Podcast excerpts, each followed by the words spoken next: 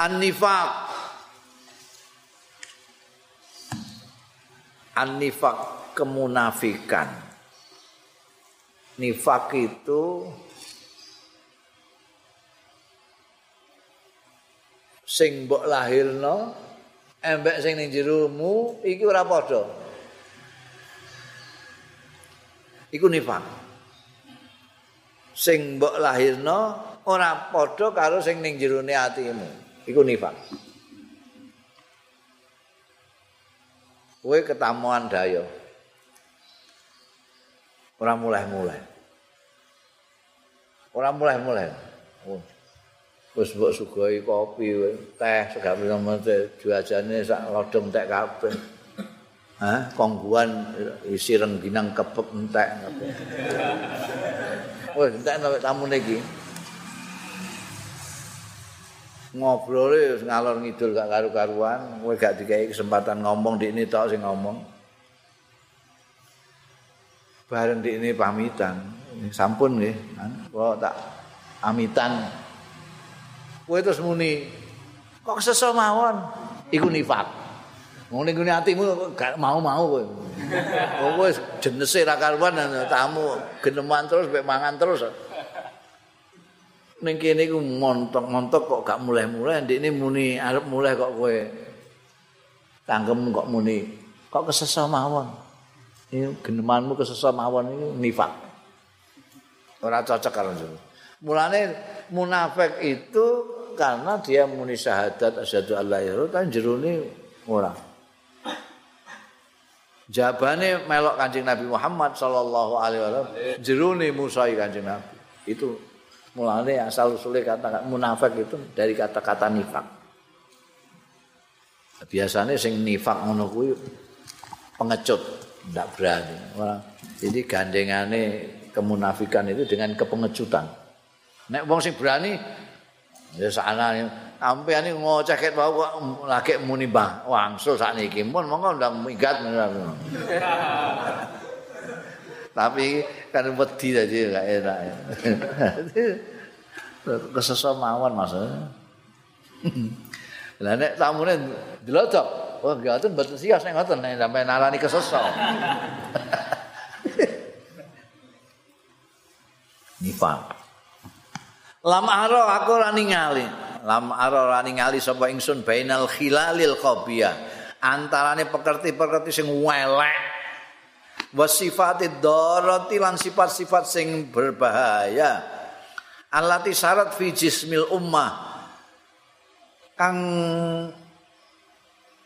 mengalir fi jismil ummati ing dalem jisime bangsa ini saroyanil kahroba.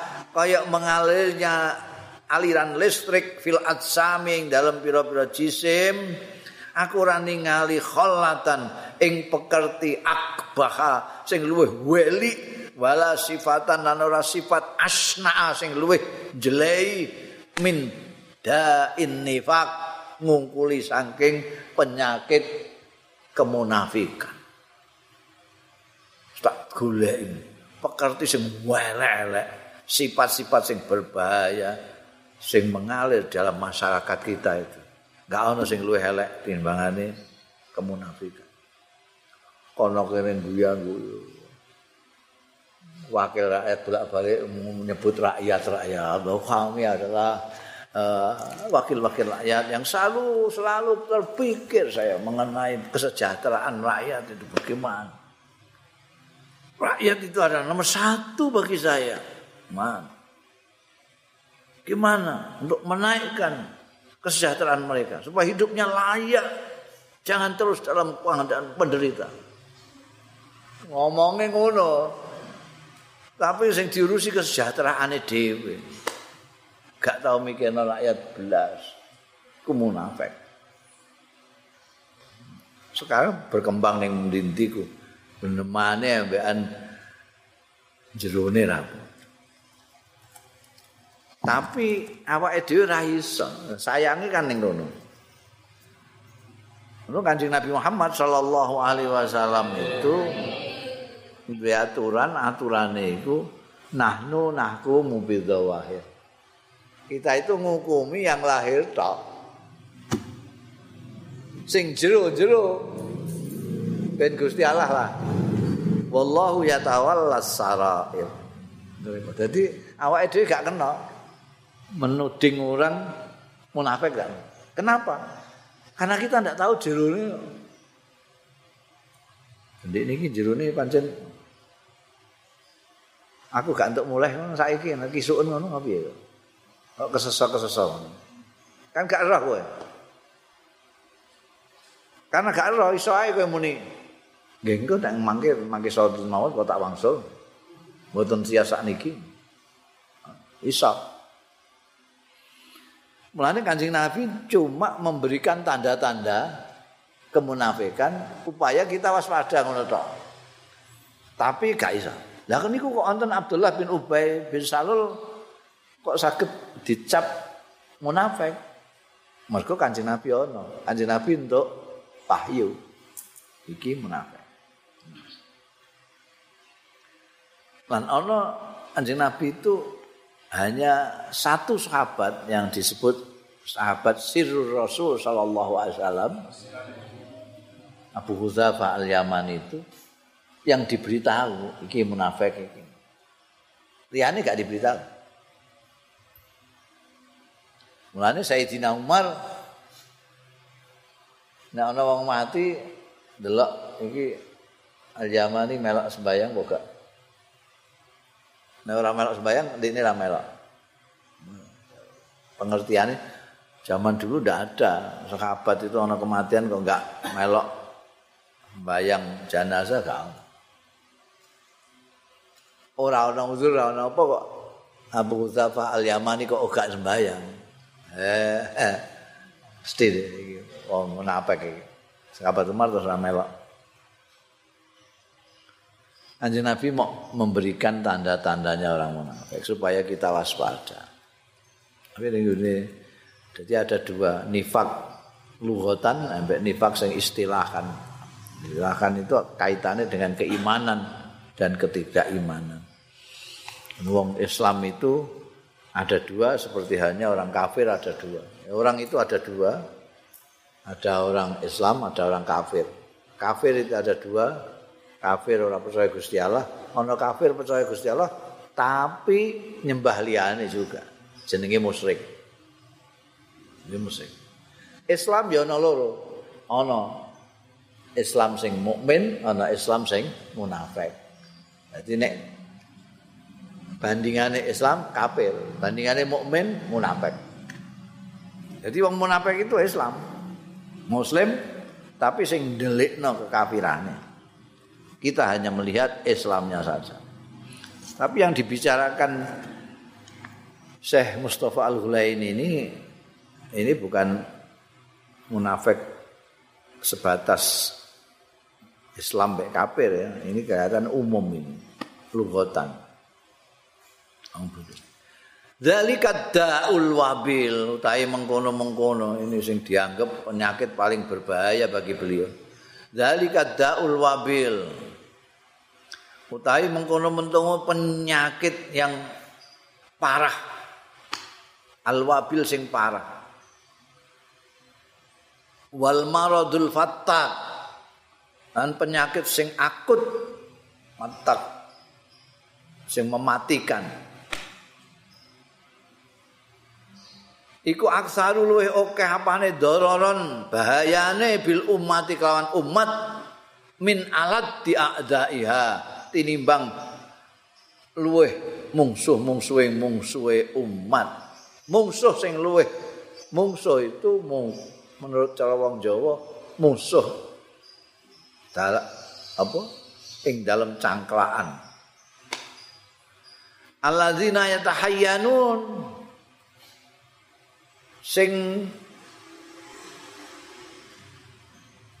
terus mengawasi ya alazina al-furasa ing kesempatan-kesempatan lil intiqad alaiha.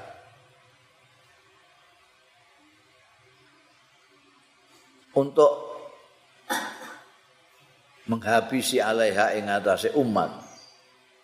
Wantiqasi biladiha dan mengubah negerinya umat min atrofia menghancurkan negerinya umat min atrofiha saking penjuru-penjurune Bilal. Penyakit sing jenenge nifak itu. itu lebih berbahaya. Kalau sudah menjadi penyakit yang akut, penyakit yang parah dalam masyarakat, itu lebih berbahaya daripada musuh yang mau menyerbu kita, musuh yang terus ngawasi kita. Mau nyerang kapan ada kesempatan nyerbu, kesempatan nyerbu. Musuh yang begitu itu lebih ringan bandingkan penyakit nifak dalam masyarakat itu sendiri. Kok bisa begitu? Innal adu wal muhajim. Setuhune musuh sing menyerang. Idza ra'athu al ummah. Tatkalane ningali ing adul muhajim. Sapa al ummatu? Umat. Rakyat tahu bangsa tahu. Tahayat. Mongko siap-siap ya umat lidaf i'adahu kanggo menolak pilarane aduil muhajim wasati gharatihim dan menghadang serbuane adul muhajim bima kelawan barang wa kang utawi ma iku ati dan tersedia ladaiha ana sandingi umat bayane min wasa iltifa nyatane sarana-sarana mempertahankan diri. Wa asbabil musadamati lan sarana-sarana untuk menghadapi nek musuh karuan nek musuh yang akan menyerbu kita. Begitu kelihatan kita sudah siap-siap apa yang kita punyai untuk melawan mereka. Fa illam tattaqi syarrahu kullah. Mongko lamun ora iso melindungi diri ya umat syarrahu ing kejahatane adul muhajim. Kullahu sekabehane syarruhu.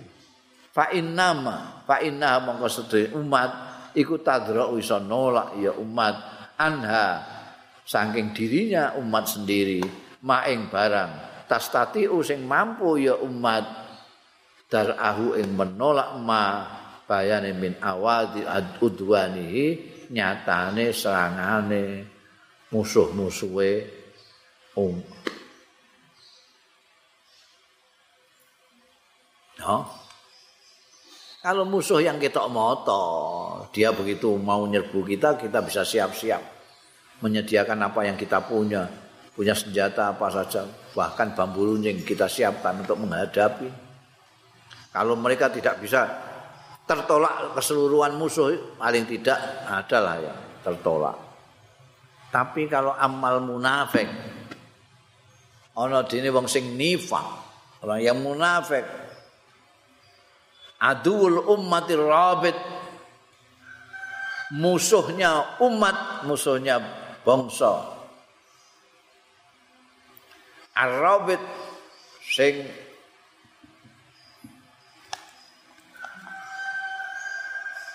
bercokol bercokol bercokol ngono saya robit itu dekem dekem musuhnya umat sing dekem dekem gak pati enak ngono eh, bercokol. Fi qalbiha ing dalem atine umat. Wong munafik ini musuhnya umat yang bercokol, yang dekem ning gone atine umat, ning telung telunge umat. Fa amal munafik fahiya mongko utawi umat iku tadri ora ngerti ya umat. Kaifatu kharibuhu kepriye merangi ya umat? Hu ing munafik.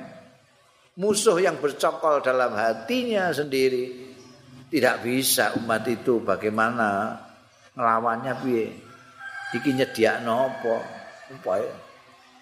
La ta'rifu man huwa? Wong ora ngerti wala ta'rifu lan ora ngerti ya umat. Man ing sapa? Wa ya man. Sing munafik sing endi? Gak jelas wong ngomongane padha apike kok. Litok lituka wimau upaya melawan ya umat hu ing man. Nek karuan ngono ya iki munafik gak jelas ya. Nah iki sing selalu membahayakan kita iki apa ndik nih omongannya halus ya nah, selalu bersama kita terus nek ngomong ya Tapi nek idza khalao ila sayatinihim omongnya lain lagi. Oh di tempat bersama kita nahnu ma'akum. Kita bersamamu terus. Kan repot iki. Emeh dilawan nang angel iki. Bahwa mongko utawi aduun fil umat munafik iku yud'ifu melemahkan ya munafik kuwataha ing kekuatane umat al maknawiyata sing bangsa mental. Kekuatan moral mentalnya jadi lemas. Karena mau ngelawan ndak tahu apakah ini jopo jero apa jopo gak jelas. Sesuk kesel dhewe umat ini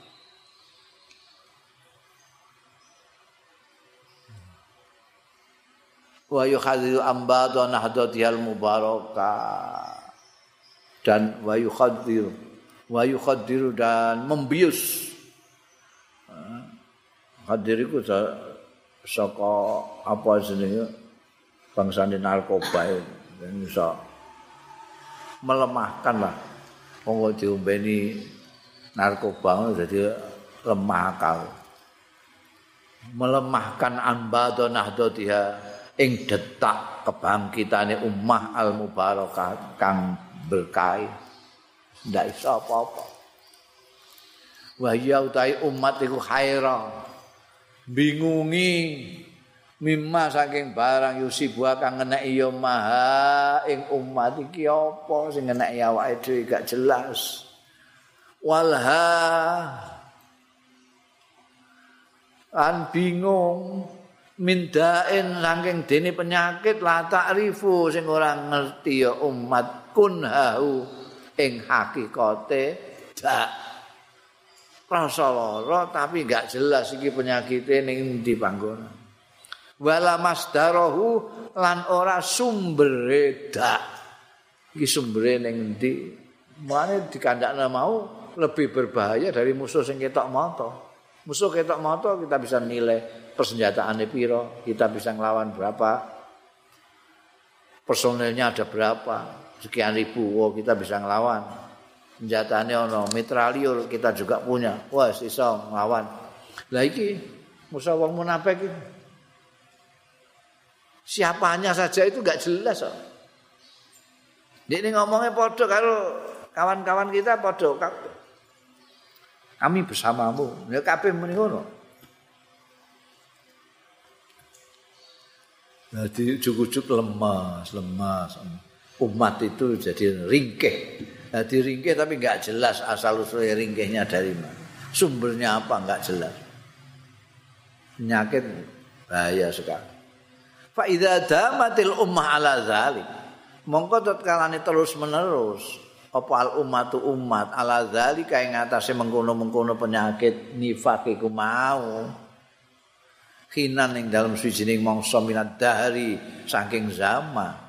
Min ghairi antab hasab bahsan dakikan saking tanpa yen to neliti sira bahsan dakikan kelawan penelitian sing dakik sing cermat. Watab khasa lan ya neliti memeriksa sira fahsan hakiman. Kelawan pemeriksaan sing bijaksana.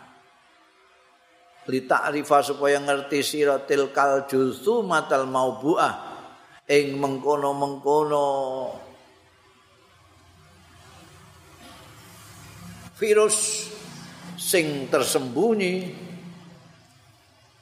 Patas a mongko tumandang sira li ibadat ya kanggo menghabisi jursumah wa ta'lama lan ngerti sira kunha maradiha. Ing hakikate penyakite umat. Fatu dawiyahu mongko nambani sirahu ing marat bidawa in naji kelawan obat sing manjur. Nek ora ngono kanat ana apa akibatu amriha? Tembe mburine perkarane umat. Iku inhilal rawabit. Iku inhilal rawabit. Ngelokrone udare ikatan-ikatan. Wasad fasadal ahlaki. Ran rusake moral akhlak wa huna kalan ana ing kono al mautul akbaru tai kematian yang besar. Alladzi yamhu sing busek ya ladzi al mautul akbar. Al ummata ing umat min lauhil wujud saking lembaran kehidupan wujud ini. Fatakunu ma'al halikin mongko ana ya umat iku ma'al halikin sartane sing wis padha rusak-rusak naudzubillah kalau kondisi umat dengan penyakit nifak yang sudah merata di masyarakat itu dibiarkan lama. Biarkan. Tanpa kamu selidiki dengan teliti dengan cermat. Ini di mana letaknya? Virusnya di mana? Kemudian mencoba kamu menghabisinya mencari obatnya yang manjur. Kalau tidak usah meroy. Nanti ikatan-ikatan masyarakat ini menjadi udar. Terus moral jadi rusak. Sekarang ini habisnya saja. Pau itu kemula pau itu kum mongko nyuwun ke pangreksan sapa ingsun kum ing sira kabeh. Maksaran nasiin. Wahai pemuda-pemuda yang baru tumbuh. Aku njalukno pelindungan ira kabeh antakunu. Yen to ana sira kabeh minal munafiqin termasuk wong-wong munafik. Apian Imam. Apa? Syekh Mustafa Hulayan kowe kowe kabeh tak dongakno supaya kowe terhindar dari kemunafikan oh, tidak termasuk golongannya orang-orang yang munafik itu Karena orang-orang munafik ini yang merusak dari dalam tubuh bangsa, tubuh masyarakat tanpa bisa dengan mudah kita atasi. Ikhdaru. Wadiyo siro. Waspadalah kalian semua. Ayadibba fi kulubi. Entong gremet. Hati-hati aja ngantek. Gremet fi kulubikum. Ing dalam hati-hati rokabeh. Dabib. apa dabi buha ula il asar gegremetane mengkono-mengkono. Penjahat-penjahat. Maksudnya orang-orang munafik. Aja ngantek. Ngantek ketularan. Mata satu menar. Mongko ngeneki ing sira kabeh apa anaru geni neraka. Kowe ora hati-hati kamu membiarkan jahatannya orang munafik itu sampai merasuk ke hatimu. Bahaya kamu akan terbakar. Mama hiya lan ora ana. Ya yonar illa narun kejaba apa geni tahriku sing ngobong ya al ahdar wal ya bisa sing isih ijo maupun sing wis garing.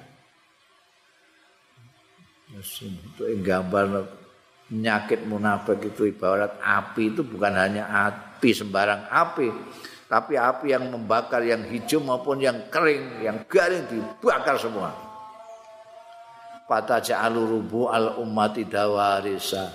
Mongko ndadekno yonar rubu al ummati.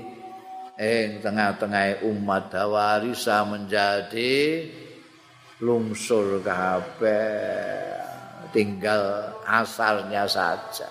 Rungsul ikmalu ngamalo sira kabeh ra'akumullah muga-muga nglindungi sira kabeh sapa Allah. Ngamal ala ta'rifil ummah ing atase ngenalake umat bihim kelawan wong-wong jahat mau asrar mau. Nek ana wong munafik kowe roh tanda-tandane jelas iku wong munafik kandakno mbekan umatmu hati-hati sampean waspada kali tiang niku nggih. Niku munafik ketoke manis raine tapi jahat wa tahdhirihim dan memberi peringatan kepada umat kaidah ing tipu dayane asrar haulail asrar.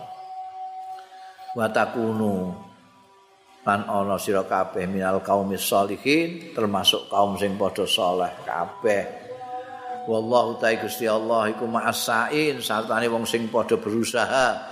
Lirat dikaidil munafikin kanggo nolak tipu dayane wong-wong munafik. Litakunal ummah supaya ana apa? Al ummatu umat ana iku fi a'lal iliyin di atas warga iliyin